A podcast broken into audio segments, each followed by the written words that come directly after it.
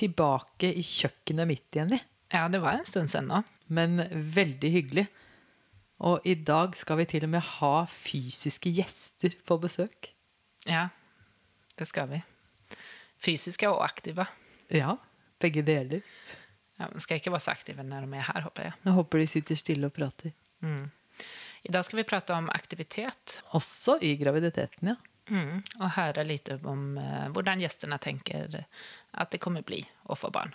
Og hvordan de i det hele tatt tenkte på at skal vi få oss et barn? Ja, det.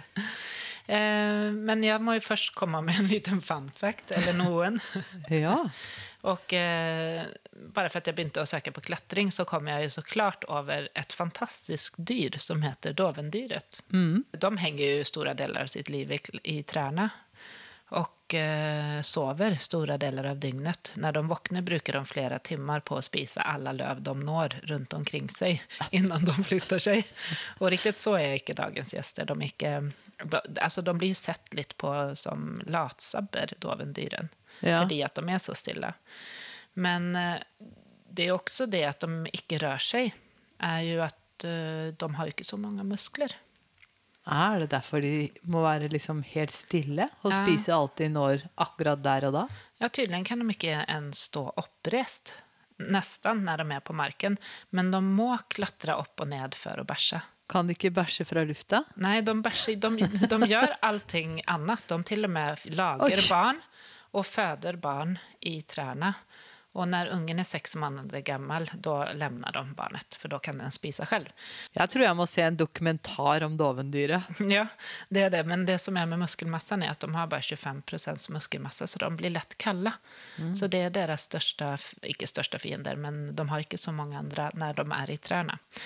Eh, Så hvis de blir kalla så har de ikke förmågan å skjelve. Så hvis de ammer da, og har et barn på sig, då dør barnet. Oi. Ja. Det blir så kaldt et helt enkelt. a meg. Altså, dette ble trist. det er godt vi ikke er dovendyr. Det er det. Men Dovendyr driver med klatring og det gjør dagens gjester også. Du lytter nå til Jordmorpodden, en podcast om alt mellom himmel og helvete. Her skal du få klar tale, kjerringråd, vi skal ha fagdiskusjoner, og vi skal dele erfaringer og opplevelser. Det er ikke alltid like enkelt å vite hvor mye man kan trene når man blir gravid, eller om man kan være i aktivitet. Nei. Jeg tror at mange tenker på om man sier trening, så er det, føles det noe mer større eller noen sånne oppgaver man må gjøre. Det er derfor vi bruker aktivitet i eh, Ja. Aktivitet og bevegelse, kanskje bare. Ja, eksakt.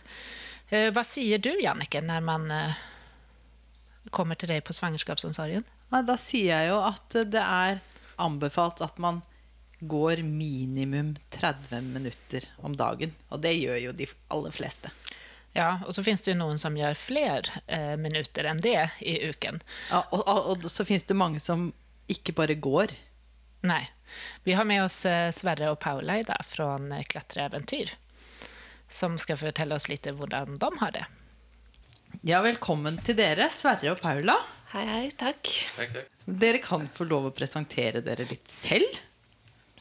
Ja. eh, jeg heter Paula Moldner. Og jeg er 33 år gammel og har klatret i kanskje 20 Litt over 20 av de årene. Store deler av livet ditt. Store deler av livet. Så det er det jeg driver med når jeg kan. Når jeg har tid og mulighet. Eh, og så jobber jeg med det. Jeg har Ja. jobbet som klatreinstruktør og kursholder og holdt litt foredrag og skrevet om det. Mye av livet mitt uh, roterer rundt klatring. Ja, du er klatring. Du, du, du lever og åndes klatring. Ja. Ja. det har blitt mye av det. Mm. Og du da, Sverre? Jeg er også 33 og um, er da samboer med Perla. Og sammen så driver vi et eh, en klatrefirma som heter Klatreeventyr. Så kult. Ja. Så vi har kurs og reiser til Norge og Europa. Så jeg har ikke klatret like lenge som Perla. eh, og er eh, ikke like god, men akkurat nå som hun er høygravid, så er jeg litt bedre. Så det Det er veldig glansdager. nå. eh, og så Ja, det er vel egentlig det vi gjør. Ja. Fordi det er derfor dere er her i dag. Fordi Paula Eller derfor dere er på Jordmorpodden besøk, da. Fordi Paula er høygravid, som du sier, og dere venter barn. Og da blir jeg veldig nysgjerrig på For dere beskriver jo en veldig aktiv livsstil. Og jobben deres er jo også veldig aktiv da. Så hvordan kan man bestemme seg for at man plutselig skal få en sånn stor endring i livet som det å skulle få barn?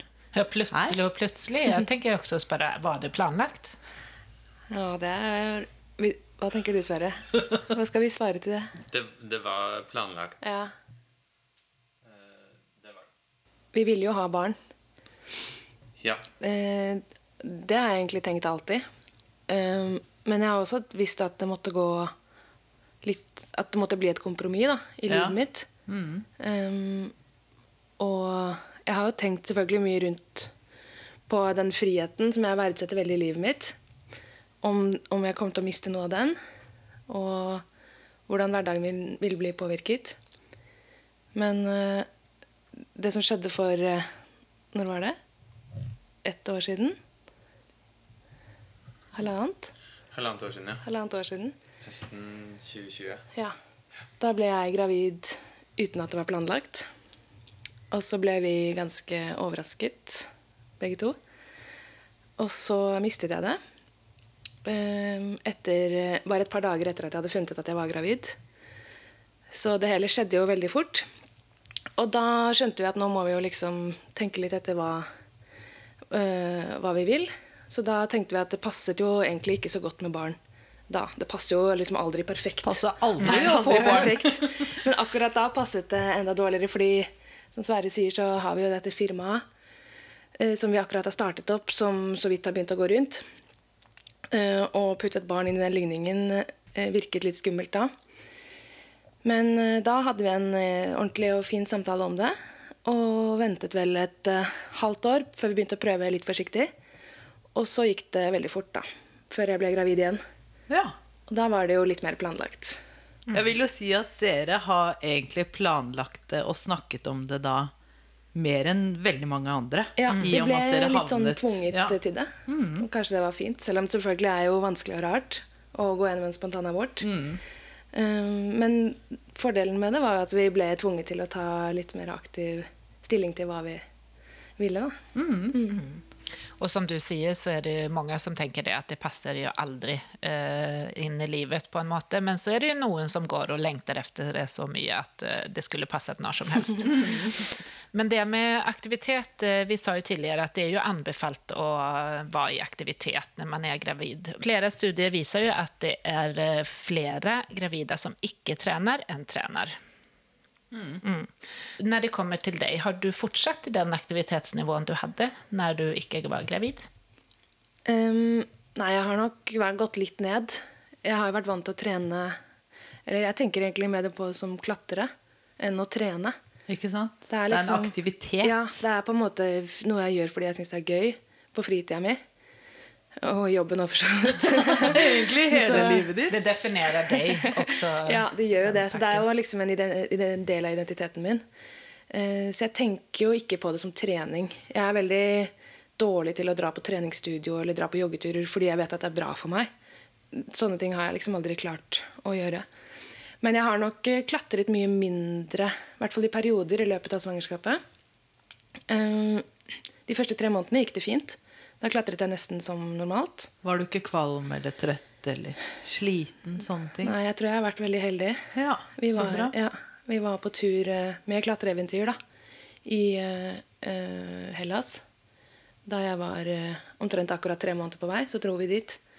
Så da, jeg klatre, da var, jobbet jeg jo også. Så da um, fikk jeg jo klatret masse mens jeg var der. Ute. Da visste ikke de som klatret med dere, at eh, du var gravid heller? Nei. Da var det bare dere to som visste Ja. det? Well kept secret. ja. Og så hadde jeg en periode hvor jeg klatret litt mindre. Da jeg var eh, litt lenger ute i svangerskapet. Hvorfor det? Um, nei, fordi det var liksom eh, Nå, da, som jeg er så åpenbart høygravid, så føler jeg at jeg møter veldig mye støtte og support i klatremiljøet. For det er kult at jeg liksom er ute og er med og prøver litt. Men jeg merket at jeg syntes det var litt vanskelig når jeg bare hadde lagt for meg litt sånn udefinert 3-4-5 kilo, og var litt dårligere enn jeg pleide å være, litt reddere enn jeg pleide å være. Uh, og Samtidig så følte jeg at det ble feil at jeg skulle rettferdiggjøre at uh, jeg måtte skynde meg å si til folk at jeg var gravid, for å Ja. rettferdiggjøre at jeg kanskje ikke presterte like bra som jeg burde ha gjort. Så det gikk rett og slett på prestasjonen din Ja, i veggen? Litt pinlig at man er så forfengelig, men jeg kjente litt på det. Merket du det, Sverre? Nei. Kanskje ikke i like stor grad. Nei. Det var ikke noe som du tenkte på heller? Nei, Jeg tenkte jo at det var naturlig at hun ikke klatret like bra lenger. Mm. Og det Sånn må det jo være. Ja, så tenker jeg også, Du sa også at eh, eh, du følte deg mer redd. Mm. Hva var det du følte deg redd for? Um, jeg var litt usikker på hva som var greit. Jeg fant, klarte ikke, jeg lette jo mye etter informasjon om klatring. da. Fant noen sånne blogger fra en amerikansk dame som heter Beth Rodden, som har skrevet kjempefint om dette. Intervjuet masse gravide damer. Ja. Men jeg klarte ikke å finne noe ordentlig fakta å forholde meg til. Eh, på er det greit å falle? Eh, kan man sikre folk som faller? Og det snakket vi litt om før innspillingen i dag også, hvor, hvor det er eh, aktiviteter da, som er litt utenfor det der å gå og jogge og de vanlige tingene. Hvordan man finner ut om det er greit. Også, Hvordan det er trygt, og Ja. hvor de fleste tenker på barnet. ja. Ja, nettopp. Og klatring er jo en veldig eh, mental greie også. Så hvis jeg på en måte ikke slapper av helt i veggen eller klarer å være helt til stede, og er litt usikker på Selv om det er liksom 95% sjanse for at det er greit. Så de siste 5 er ganske viktige da, for at det skal være gøy. Og, så jeg ja, tok det liksom litt forsiktig da, for å kjenne etter og sånn. Eh, Men etter jeg hadde hatt et lite avbrekk, eller klatret mye mindre en periode, så merket jeg at jeg savnet det veldig. Eh, og det spiller jo ikke så mye rolle med hvor vanskelig man klatrer og hvordan man ser ut. Det er lett å si det, men jeg kjente det også veldig på kroppen da, at jeg savnet å, å være ute. Jeg savnet eh, vennene mine, hele miljøet. Jeg savnet å bevege meg. Så, så jeg begynte å bare klatre mer og mer egentlig etter hvert, da, som jeg merket hvor, hvor glad jeg ble av å dra ut og gjøre det. Eller inn, for så vidt. Ja, men Så bra. Og så fikk du en eh, veldig god livslærdom, da, tenker jeg. At du kan liksom sette pris på klatringen selv om du ikke mestrer på ditt beste. Men nå har du jo også en grunn til Du har jo en god grunn til å ikke klatre på ditt beste. Ja, men jeg tror uansett det er synd å bli minnet på at, eh, at det er jo ikke så viktig liksom, hvor hvor vanskelig det er. Eller det er jo ingen som bryr seg, unntatt meg selv. Nei. Men du er jo litt eh, Du er jo veldig god til å klatre, så du er jo Du setter jo høyere eh, mål for deg selv enn det mange andre som klatrer gjør. I hvert fall som meg. Ja, men Det var en eh, mental eh, wake-up, der, i hvert fall. At uh, det viktigste er jo å ha det gøy. Ja, det er, det å si når säga när man er klatring i livet og det er det man gjør. Men jeg tenkte på det der du sa om at du fikk mye support av klatremiljøet. Men har du fått noen negative kommentarer eller andre ting om at du har fortsatt å klatre selv om du er At det er gravid? Jo, jeg har vel hatt en eller to ganger Man bruker jo vanligvis en klatresele som går rundt magen. Og nå har jeg gått over til å bruke en sånn som heter kroppscelle, som man har over skuldrene, og som liksom har eh, feste framme på brystet for å flytte litt eh, hvordan vekta blir fordelt. da, Som er laget for gravide. Så jeg har brukt eh, Jeg har fått kommentarer både når jeg har brukt den og når jeg ikke har brukt den. Begge gangene har vært av eldre menn. på, på fordeler og ulemper da, med den ene selen versus den andre selen. Eh, det har liksom vært en blanding av litt spørsmål og litt De har jo selvfølgelig hatt meninger om hvilken sele jeg burde bruke, og hvorfor jeg burde bruke den. Så det- Men Eh, tydelig men god erfaring med det. ja. Um, men det har bare vært litt sånn småpirk. Men bortsett fra det så opplever jeg egentlig bare at, eh, at jeg har fått eh, støtte, da. Og at folk syns det er kult. Ja, Så bra. Så det er ikke noen sånn eh, svigermor eller nabo eller venninne som sier at Paula, det der må du slutte med nå, det der er litt utrygt. Svigermor har sagt eh, et par ganger at jeg må være forsiktig. Men hun er eh, en veldig omsorgsperson som er eh, eh, vil at ting skal være trygt og godt. Og det er jo bare kjærlighet. Och så tänker jag att det är bara för att det är, man kan ju kalla det lite en av de extremsporterna. Eh, att det kanske känns för, alltså för mig så känns det extremt att bara klatre, för jag klättrar inte. Så jag tror att många kan tänka det också, att det är nog en uh, ting man må hålla sig undan. Men vi pleier ju att se att aktivitet som man driver med och träning som man driver med innan man är gravid, det kan man fortsätta med eh, när man är gravid, eh, blir gravid. Ja, og sunn fornuft og alt med måte. Og så er det jo også sånn at man, hvis man driver med noe man har gjort lenge, og kan godt, da, så kjenner man jo selv sine egne grenser. Og da Man stopper jo opp når man ikke syns det er trygt. Og det, fortalte, det gjorde jo du òg. Når du liksom var usikker på om det var greit eller ikke, så hadde du en periode hvor du ikke klatret. Og sen er det jo det å søke trygghet. Eh, det gjorde jo Paula også. Hun prøvde jo å finne ut, er det trygt, eller kan man, Er det noen som driver med det her? Kan jeg få någon eh, liksom, råd och hjälp på veien. Mm. Og det kan man gjøre göra i alle typer av At Att man uh, får det til bedre hvis man føler at man er trygg. Ja, Så spørre om hjelp, eller altså prøve å søke hjelp, da. Jeg tror ikke, hvis du hadde kommet til meg på kontroll i svangerskapet så kunne jeg ikke gitt deg så mye info om klatring. Så det er veldig bra jobba at du har klart å finne hun som eh, har skrevet mye om det. da. Mm. No, du sa også at du var glad å være ute i naturen eller komme deg ut. Eh, gikk det også litt sånn på det mentale når du stoppet opp en tid? Ja, det gjorde det. Det er eh, Det går helt hånd i hånd for meg, det fysiske og det mentale. Sånn er jo klatring litt som aktivitet også, da. At man må både bruke kroppen, men også hodet. Og, men ja. Og som jeg nevnte i stad, det med å, at jeg har hele miljøet mitt, eller mange av vennene mine der. Og bare det å være ute i skogen en dag er jo en veldig fin, eller det er en veldig fin måte å være ute på. da. Så, og så jeg merket jo at jeg savnet det innmari. Og ble, jeg blir jo glad av å dra og klatre. Mm. Og både av å være i bevegelse og av å være, møte folk jeg er glad i. Så jeg kjente jo på et veldig savn selv om jeg ikke klarte kanskje akkurat å sette fingeren på hva det var, så kjente jeg at det var noe som manglet. manglet ja. Mm. Men eh, For da er jo ganske tidlig i graviditeten at du kjente på dette. Eh, kom du til dit at eh, å, oh shit, nå skal jeg være hjemme en hel graviditet sånn her? Skal jeg føle det sånn en hel graviditet? graviditet? Og så etterpå så kommer det en barseltid hvor du da kanskje ikke blir like aktiv da heller. Og at man liksom blir mye alene med, med babyen. Det også kan jo være litt skremmende, tenker jeg. da, Var ja. du inne på den tanken? Ja, jeg var det. Altså, det var nok ikke så liksom, konkret at jeg skjønte nå er det x antall dager hvor jeg ikke får klatret, så jeg må dra og gjøre det.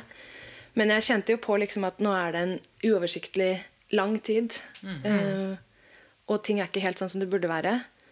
Og så merket jeg jo bare da jeg dro og klatret, at uh, at det hjalp. da. Det ble mm. lettere. Mm. Og, og, rent fysisk også det, så kjentes det veldig bra i kroppen. Jeg hadde litt vondt i ryggen en liten periode og merket at det forsvant da når jeg klatret. Mm. Så ja, helt sånn praktisk også, så, ja. så, så, funket det bedre for meg da, enn å, enn å, gå tur. Og jeg hadde jo liksom fått med meg disse anbefalingene dere sa om at man skulle kanskje gå en tur en halvtime hver dag. Men jeg syns det er jo kjedelig å gå tur, og jeg er liksom ikke disiplinert nok til å trene fordi jeg burde eller fordi jeg skal. Så, så, det var en fin måte å liksom ja, lure meg selv til å fortsette å, å bevege meg. da. Og sosialt. Og, sosialt. og vennene dine, og ja. det vanlige og vante. Ja. Det låter som en veldig god oppskrift til velvære. Det gjør, det gjør, absolutt det. Men eh, Sverre, jeg har lyst til å spørre deg også. Ble du mer urolig for Paula når hun var i veggen? Nå når hun bar barnet ditt? Eh, nei, jeg gjorde egentlig ikke det. Jeg har ganske god tillit til uh, ja, Hun er litt annerledes da enn uh, en folk flest. Så ganske rå i hodet, så hun gjør det hun har lyst til. Og det går, går som oftest bra. Ja. Du stoler på henne. Det var ja. tillitserklæring, det må jeg si. Mm. Men under veien når du har gått gravid nå, er det noe som har motivert deg til å fortsette å leve som du Altså, eller noen personer kanskje som har vært motiverende? Eh, ja, det er det. Jeg følger jo, eh, som alle andre, så er jeg jo på Instagram. Så jeg følger jo forskjellige klatredamer der. Og det har vært eh, Det er sikkert fordi jeg er gravid nå at jeg ser det overalt. Men jeg syns jo plutselig alle har blitt gravide. Men det er særlig to, da. To veldig sterke eh, damer. En som er engelsk, og en fransk. Eller sveitsisk, er det vel. Eh, som er gravide. Og hun ene er en, omtrent akkurat Eller de er vel en måned bak meg, omtrent. Men de eh, filmer jo og legger ut og holder på, og det er jo veldig inspirerende å se. Litt frustrerende, for de er så innmari positive, og det går så veldig bra. Men det er jo Instagram, liksom. Ja, det er glattsiden. Ja, Så når jeg klarer å liksom ikke bli frustrert av det Men det er også flere norske da, som er gravide, som er klatrere, som liksom viser at de er ute og, og klatrer og, og, og står på ski og gjør det de vil. Og tilpasser det sitt nivå og det de er komfortable med å gjøre. Og så leser jeg jo kommentarfeltene under og ser at det er noen som reagerer på det. Eh, og syns at det er fint at de svarer tilbake. Og det er jo åpenbart et slags tabu rundt det her. Eller i hvert fall noe som ikke er helt avklart. da. Så jeg ser at det er behov for å snakke om det. Og jeg syns det er utrolig inspirerende å se en gravid Hun er seks-sju måneder på vei, klatrer i sports-BH. Og gjør det veldig trygt og blir, er veldig glad. Eh, så det syns jeg er kjempekult da, og inspirerende. Jeg, jeg tør ikke det helt selv ennå. Men, eh, men jeg blir veldig inspirert og motivert av, av det. da. Ja. Jeg tenker jo egentlig at det du har fortalt eh, til oss i dag, det kunne jo like gjerne vært du som hadde hatt den Instagram-kontoen, egentlig. Og du er jo like mye motivator for andre som eh, de er for deg, høres det ut som. Ja, men jeg, ja, jeg legger ikke så mye ut eh, Jeg føler meg ikke helt eh, Komfortabel, komfortabel med det. med det. Men også tenker jeg også på det med de kommentarene i kommentarfelt. Det handler jo bare om uvitenhet. Så det er, jo det det veldig gjør. fint at Ja. det blir belyst og tatt opp. Så det er fint at det blir snakket om, da. Og de, ja. og så tenker jeg at noen kanskje kjenner att hvorfor, eller som kanskje ikke får det til. på en måte, og Det er også greit. Man kan jo være kvalm og trøtt og veldig sliten. Man har ulike utfordringer i svangerskapet som gjør at man eh, har ulike fokus og mål. Mm. Men eh, det som jeg tenker på er at, eh, som Jannike sa, at det er kjempekult at vi kan snakke om det her i dag, og at du også kan motivere eh, noen flere kvinner å komme seg ut. Vi vet at det er bra både for mammakroppen og for eh, hodet til mamma, og også for barnet. Men, men jeg vil jo også legge til at jeg er ganske Jeg har jo dager hvor jeg bare ligger på sofaen. Absolutt. Og, Og jeg, det er fint du sier. Ja. jeg har jo eh, klatret såpass lenge, og jeg har blitt veldig vant til å lytte til kroppen og kjenne etter eh, om jeg har lyst, om, jeg, om det kjennes bra, om jeg er eh, komfortabel med det jeg gjør. Jeg sluttet jo helt å klatre en periode da jeg var rundt 15, Ja. fordi da var det ikke noe gøy lenger. Så jeg gikk på en, hadde jo tre-fire år hvor jeg ikke klatret i det hele tatt. Fordi jeg hadde liksom pushet for mye, da. For langt. Skulle hele tiden prestere og trene og videre, videre, videre. Så da jeg kom tilbake igjen etter noen års pause, så prøvde jeg å være veldig bevisst på det. At eh, nå skal jeg klatre når, eh, når jeg har lyst, og når, når det er bra. Og så er det helt greit å ligge på sofaen. Ja, men Det er veldig godt å høre, Paula, for da er jeg også betrygget at du hviler litt mellom slagene. Hva kan man bruke for å få bedre hvile, Jannicke? Nei, da, hvis man er gravid, så kan man bruke den eh, gravidputen til Bibi Hugme. Ja, de er jo vår hovedsponsor, så vi passer på å gjøre litt reklame. Gå inn på bbhagme.com, så kan du se på deres produkter. Det er jo ikke så lenge til den lille skal komme ut, da. Det er ikke så lenge til fødsel. Hvordan har du forberedt deg til fødsel, Sverre? Nei, eh, ikke så veldig. Mye har jeg gjort, egentlig. Jeg eh, tar det litt som det kommer, virker det som. Eh, Så jeg vet ikke helt hva jeg skal forvente, eller hva jeg skal gjøre. Jeg driver og prøver å få pakket denne fødebagen, men eh, jeg har ikke helt kommet i mål. Men jeg har kjøpt eh, sjampo og balsam, da. Så- Som skal ligge oppi der. Og en sånn dusjsåpe. Ja. Får du lov til å pakke fødebagen selv, liksom? Er det, du, er det din oppgave? Jeg lurer på hvordan dere fordeler det. Uh, det hadde vært uh, veldig populært hvis jeg pakket den fødebagen. Tror jeg. Men uh, vi har diskutert hvilken bag det skal være, f.eks. Ja, men da er dere jo inne. Jeg tenker at dette er en fødselsforberedelse i seg selv. Det er det, og du vet jo at du kan høre på noen av våre episoder, så får du litt hjelp på veien hva du skal ha med. Vi har til og med en som heter Fødebagen. Ja. Så der kan du jo hente noen tips og overraske Paula litt. Ja, den har jeg hørt tre-fire ganger. Men føler du, Paula, at du, du har fått sagt til Sverre hva du trenger under en eventuell, eller en eventuell fødsel? Du skal jo føde under fødselen. Um, ja Eller Altså, jeg vet jo ikke helt selv da hva jeg trenger og ikke trenger. Vi, vi har snakket litt om det. Uh, vi snakket faktisk om det på vei hit. Hvordan jeg vil at uh, han skal snakke til meg. At jeg trenger litt sånn konkrete beskjeder, f.eks. I stedet for å si 'slapp av', så trenger jeg konkret at han sier liksom 'åpne opp knyttenevene' eller 'senk skuldrene'. Eller, altså konkrete ting jeg kan gjøre. Um, men jeg, vi har det jo veldig, altså jeg er veldig trygg på Sverre. Og jeg vet at vi kommuniserer fint. Og også under stressa situasjoner. Vi har jo klatret mye sammen. Og vi har holdt kurs for deltakere som har vært eh, redde og nervøse og stressa. Så vi har jo Jeg føler jo at jeg kjenner den siden av Sverre også. Han kjenner den siden av meg. Han har sett meg når jeg har vært så redd at jeg har begynt å gråte. Eh, så jeg vet jo at han er der, liksom. 100% Så Men vi har vel ikke snakket så mye. Ja, men jeg tenker bare den lille samtalen i bilen på vei hit tenker jeg er skikkelig bra. Både det og at dere har snakket om at det i det hele tatt skal eksistere en fødebag. Det er jo mye forberedelse i bare det. Jeg, jeg er glad for at du og jeg er så samstemte, for vi tenkte på den samtalen i bilen begge to. Jeg er veldig glad at vi får være med på å forberede dere til fødsel også. At dere fikk noen minutter i bilen. Nei, men eh, det låter, altså Deres livsstil eh, er jo også sånn at man tar ting som det kommer. Eh, Man må ta utfordringene de, når de kommer. Ja. Og vi sier jo ofte også at man ikke skal ha en sånn rigid plan om fødsel, at man må ta det litt som det kommer. Eh, Men det kan også være fint eh, å lese ting om fødsel, så at man vet hva man kan forvente seg. Så, men samtidig så er man også sånn om man ikke er så påvirket av, eller man ikke føler seg redd, man har ikke behov for ditt eller datt, så da er, da er det ikke nødvendig heller. Nei. Men jeg tenker her nå at eh, Paula, du har jo um, veldig mye mental trening i livet ditt. Fordi du har drevet med klatring, eller driver med klatring i all høyeste grad. Uh, sånn at, og vi snakker jo litt om at man skal bruke den mentale treningen i fødsel også. Så hvis man klarer å oversette det fokuset da, som du sikkert har i veggen ofte, inn i fødsel, det hadde vært helt perfekt for deg.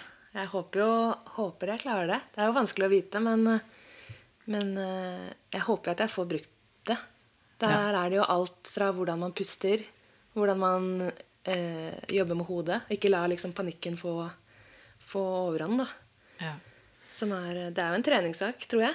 Og jeg tenker at det hadde vært masse trening for oss å gå og se Paula i veggen når du ikke er høygravid. Da, når du pusher virkelig. Og bare sett hvor mye du jobber mentalt da. Jeg vet ikke om jeg hadde klart det når hun var høygravid. Men uh, vi tenker jo at man kan bli overrumplet av smerter og sånn, men det er viktig det du sier, Paula, at man må holde hodet kaldt. Ja, man kan hente seg inn igjen, og der blir jo Sverre en god støttespiller, da, eventuelt. Hvis, fordi han kjenner deg så godt, så kan jo han se når du er på vei til å liksom bli redd, som du sier, da. Og hjelpe deg å hente deg inn og holde fokus, da. Hva tror du er det viktigste du kan gjøre, Sverre, i, på fødestua? Nei, enkle vitser. Ja, det er bra. Komme med litt lettsom humor. Nei, jeg vet ikke helt. Bare ta det litt som det kommer. Tror det går fint. Tror som Paula sier, at vi, vi er trent i situasjoner hvor vi skal liksom berolige folk og få dem til å prestere. Så jeg tror det kommer helt naturlig. Ja, det tror jeg også. også. Men jeg vil gi deg et lite tips, da. Og det er at man som partner veldig ofte føler seg skikkelig malplassert på en, i en fødestue. Fordi at det er liksom ikke eh, vante omgivelser, og så er det ikke en vant situasjon. Og så skal man bli pappa. Det skal man også bli. Så alt er litt sånn ekstra spennende. Så man føler seg kanskje litt i veien, og noen ganger litt unyttig. Det kommer an på liksom hva dere har drevet med før dere kommer inn på fødestua. Da. Men at man vet at den følelsen er normal. Da. det er ikke og- sikkert du kommer til å kjenne på det, men hvis man kjenner på det, så er det en helt vanlig tanke. Og man er ikke unyttig. Det er Nei. det man må vite. Det, man har lov å ta plassen sin, helt enkelt, på fødestue.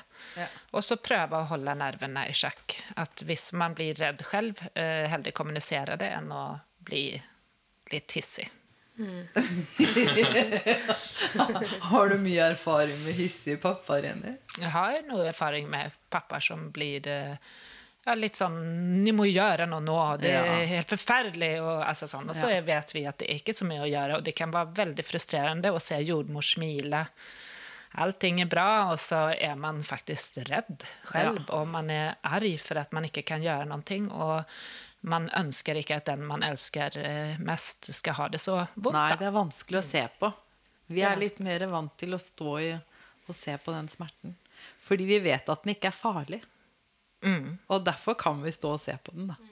Andre ganger når folk er i smerte, så er vi vant til å hjelpe og liksom prøve å ta bort smerten. Men nå skal den faktisk være der, og så må vi bare støtte i det. Jeg har jo tenkt på det med smerte, hvordan jeg forholder meg til det.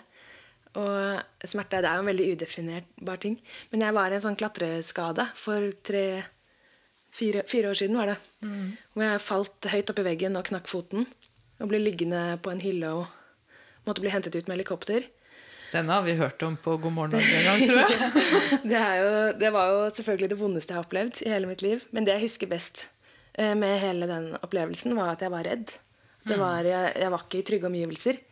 Så selv om, selv om jeg selvfølgelig hadde ekstremt vondt, så er det jo den der redselen over at ting var ute av kontroll, da, som er det jeg sitter igjen med. Som jeg nå, eh, når jeg prøver å tenke på å forberede meg litt til denne fødselen, det tror jeg kommer til å være en veldig stor forskjell. Da.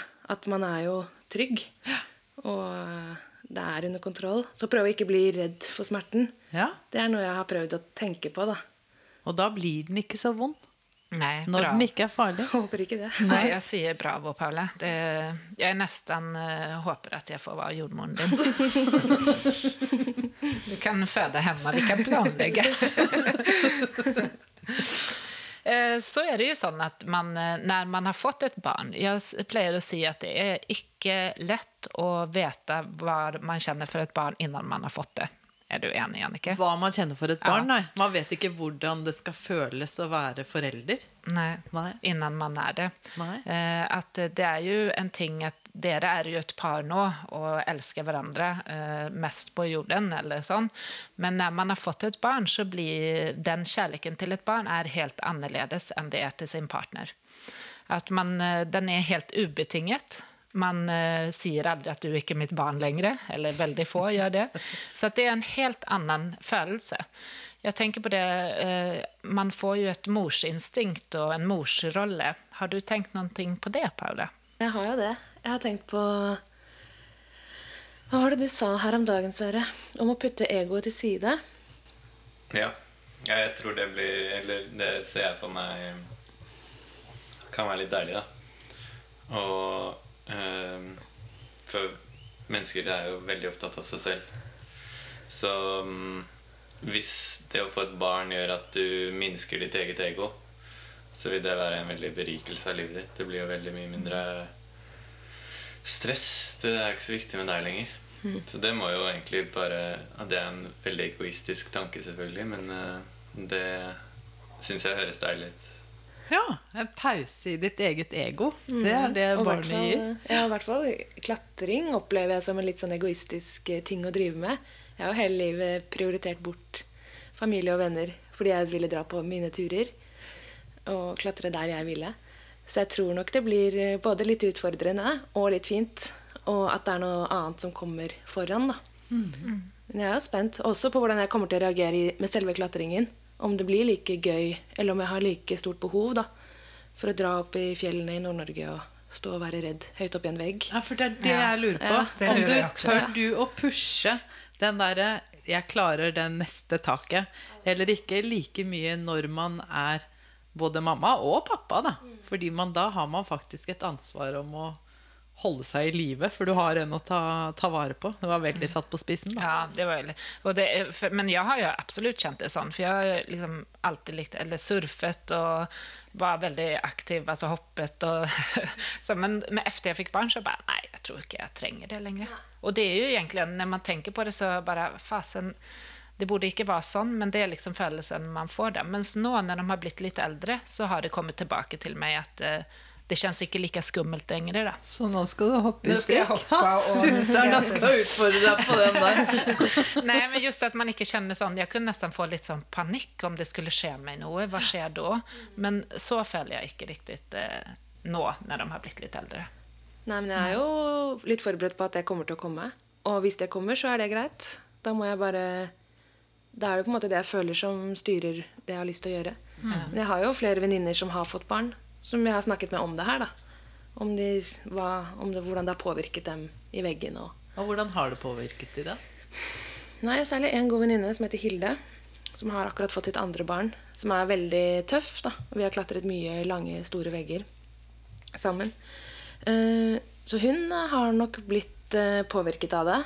Altså hun klatrer jo fortsatt, men på en litt annen måte. Eh, litt nærmere Hun er på en måte lettere tilgjengelig for, Ja. For barna sine. Og, og hun har ikke hatt det samme behovet da, for å dra opp i fjellene. Så det er ikke det at hun selv har tenkt dette kan jeg ikke gjøre, for nå er jeg uansvarlig. Men hun har ikke hatt lyst eller det Nei. behovet. Nei, det kan jo sikkert eh, komme sånn også, at man ikke får behovet. Men det som dere sier, er at, eh, at det er fint å For at den livsstilen man har når man reiser og man bare har seg selv å tenke på Ikke at dere er egoistiske, men det er jo egoistisk. Der har jo jeg også vært, for jeg fikk barn sent. Eh, Men det å ro, ha liksom roen av å være hjemme og synes at det er helt ok, det er jo en veldig fin, tid i eller fin sak å ha i barseltiden, tenker jeg. Men det er en øvelse kanskje da, som man må jobbe litt med. Og så kan man trives bedre eller dårligere med den. Ja, og så er alt faser i livet igjen. Ja, og så er det ingen fasit, tenker jeg. For at uh, man må gjøre barseltiden til sin egen. Og det har ikke noen andre noe med. på Nei, man må stole på seg selv. Men hvor er, uh, hvordan ser hverdagen deres ut om ja, si et halvt års tid? da? Nei, vi har en eh, plan da, om å komme oss til Hellas, faktisk. Vi skal jo på tur med klatreeventyr. Ja. Jeg kommer til å være i permisjon. ja. Sverre skal dra sammen med en annen eh, instruktør og ha med gjester på tur. Men eh, jeg håper jo veldig at jeg kan bli med med et lite barn. ja. Men det er, eh, det er et håp og en drøm. Men det er jo ikke en plan skrevet i stein. For det er noe jeg har forsøkt å forberede meg litt på. At jeg ikke kan planlegge sommeren som kommer nå, og høsten så mye. Jeg har ting jeg har lyst til, og håper jeg får til. Men som jeg også er forberedt på at kanskje ikke går. Så jeg får vente og se åssen dette barnet blir. Hva hun har Ja. lyst til å drive med. men, men eh, det hadde jo vært veldig gøy å bli med Sverre til Hellas. Hva tenker du, Sverre? Har du lyst til å ha med Paula og den nye babyen deres? Ja, hvis babyen er veldig grei og sånn. Nei da, men eh, jeg håper det går fint. Vi sk- burde jo få til det. Vi, har jo, vi lever jo av vårt eget firma, så vi er litt avhengig. Vi kan ikke ta permisjon på samme måte, for da skjer det ingenting med firmaet. Skjønner. Så det er en av oss som alltid må jobbe, da. Så vi er eh, litt eh, Vi får ikke tatt så mye som fellespermisjon, men eh, eh, i november og desember så har vi ingenting på plakaten, så da kanskje vi skal eh, finne på et eller annet. Og det er jo fortsatt uh, veldig mye frihet uh, å ha et lite barn. Ja, og det var det jeg også satt og tenkte på. At det er sikkert noen som blir provosert av dette, da, for det er jo forskjellig med alle. Men egentlig, jo mindre, jo lettere. Fordi at de, hvis man eh, ønsker å amme og får til det, så er man jo heldig. Da har man med seg maten til riktig temperatur og ja, uten bakterier overalt. Det er veldig lett tilgjengelig. Eh, Og babyene trenger ikke stor, så stor plass. De trenger den der lille vognbagen eller bæresjalet. Mm. Det springer ikke i vei noenstans? det springer ikke i vei noenstans. Og heller ikke opp i veggen engang. Så jo mindre, jo lettere. Jeg tenker at eh, det er stor sjanse for at dere er hele familien i Hellas jeg, til høsten. Hva tenker du, Jenny? Det tror jeg også på. Kanskje vi skal kaste oss på også. Ja. Vil dere ha med oss? Det er eh, plass til dere. Da må jeg begynne å trene, i hvert fall. jeg også, Det var det jeg tenkte at jeg skulle avsluta med nå. Att eh, vi har jo sagt det etter gravidyoga, da skulle vi begynne med yoga Og nå, Jannike. Det er nå det gjelder. Ja, men jeg har nye klatresko, så jeg har ingen unnskyldning. Og du har jo sagt at alle dine frykter er over nå, så det er jo bare å ta med deg opp. Kan du lede, du? Vi begynner med Karlstadstoppen. Nei, men eh, det var veldig fint å ha dere her i dag. Jeg vil gjerne stille det spørsmålet jeg alltid gjør på slutten da, til gjester. Har dere noen eh, råd eller tips som dere vil gi til våre lyttere? Oi, det var et eh, Jeg blir med på klatrekurs. Ja. Det tenker jeg eh, Det er en bra veldig fin ja. måte å komme seg ut på og bruke naturen på. Veldig bra med barn, også, egentlig. Ja. ja. Og det funker fint å klatre når man er gravid. Ja. Man kan jo tilpasse det til akkurat det nivået man har lyst til. Det var fine avslutningsord. Ja, og så, ja, exakt. Og vi vet jo att eh, all trening er bra. Ja. Hvis man bare klarer noen minutter per dag, så prøv å komme dere ut. Ja. Det er bra for knoppen och eh, kroppen. Riktig. Lykke til med fødsel og resten av livet, da, dere. Takk. Takk for det. Det var en koselig prat, Jenny. Frukostprat. Ja. Jeg tenker også at vi må si at det, alle har det forskjellig i graviditeten. At man må finne sin egen vei. ja. Ikke bare i graviditet, men også i barseltiden, tenker jeg. Ja, i hele livet. Ja, rett og slett. Men det vi vet er jo også at det er få som begynner å trene i graviditeten om man ikke trente eh, før man ble gravid. Ja. Selv om man får anbefalinger om å ha, være i aktivitet. Ja. Men også viktig, igjen, jeg sier det igjen, jeg. Man kan gjøre det man var vant med før, eh, og bruke sunn fornuft. Og alt med måte. Ja, der kom den, Jannicke. Der kom den. Eh, vi vet også at det var viktig for Paula å få fram at eh, eh, det her var hennes historie. Ja. Og alle em, kan ikke være Eller får ikke til å være like aktive som Paula. Selv om Paula også sa jo at eh, de hun følger på Instagram som motiverer henne em, Hun vet jo at de også har dårlige dager.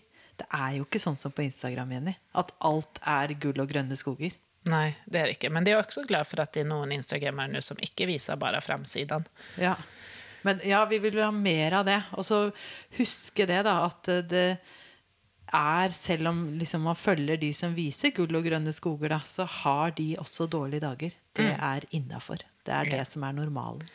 Og så det som jeg la merke til med Sverre, han sa at han ikke hadde forberedt seg til fødsel, men det viser jo seg at de har jo pratet uh, mye. Ja, ikke sant? Det syns jeg også var ganske gøy. Og det tror jeg er ganske gangs, egentlig. At folk tenker at å nei, fødsel, det har vi ikke forberedt oss noe på. Men det ligger jo i naturen, Jenny. At man forbereder seg uten å tenke over det til fødsel. F.eks. det at de hadde snakket om en fødebag og ja, praten de hadde hatt på vei hit. Mm. Og at man ikke må tenke på fødselsforberedende som å sette seg ned nå skal vi ha en samtale om det her, utan det er noe som skjer under tiden. Men man, eh, det er fint å tenke igjennom. Ja, hva man skal igjennom. Absolutt. Vi har jo også en Instagram. Ja. Ja, og Den må vi også reklamere for, så besøk oss gjerne der. Jordmorpodden. Ja, og skriv gjerne hvis ni, dere har noen ønsker om episoder på Jannicke og Jenny at jordmorpodden.no. Ja, det er mailen vår. Og så har vi også en Facebook-side. Så altså, vi blir glad for alle henvendelser, vi. Ris og ros og Og spre det glade budskap. ja. Vi gleder oss til å snakke med dere igjen senere. Men eh, nå vil vi ønske dere god påske. God påske!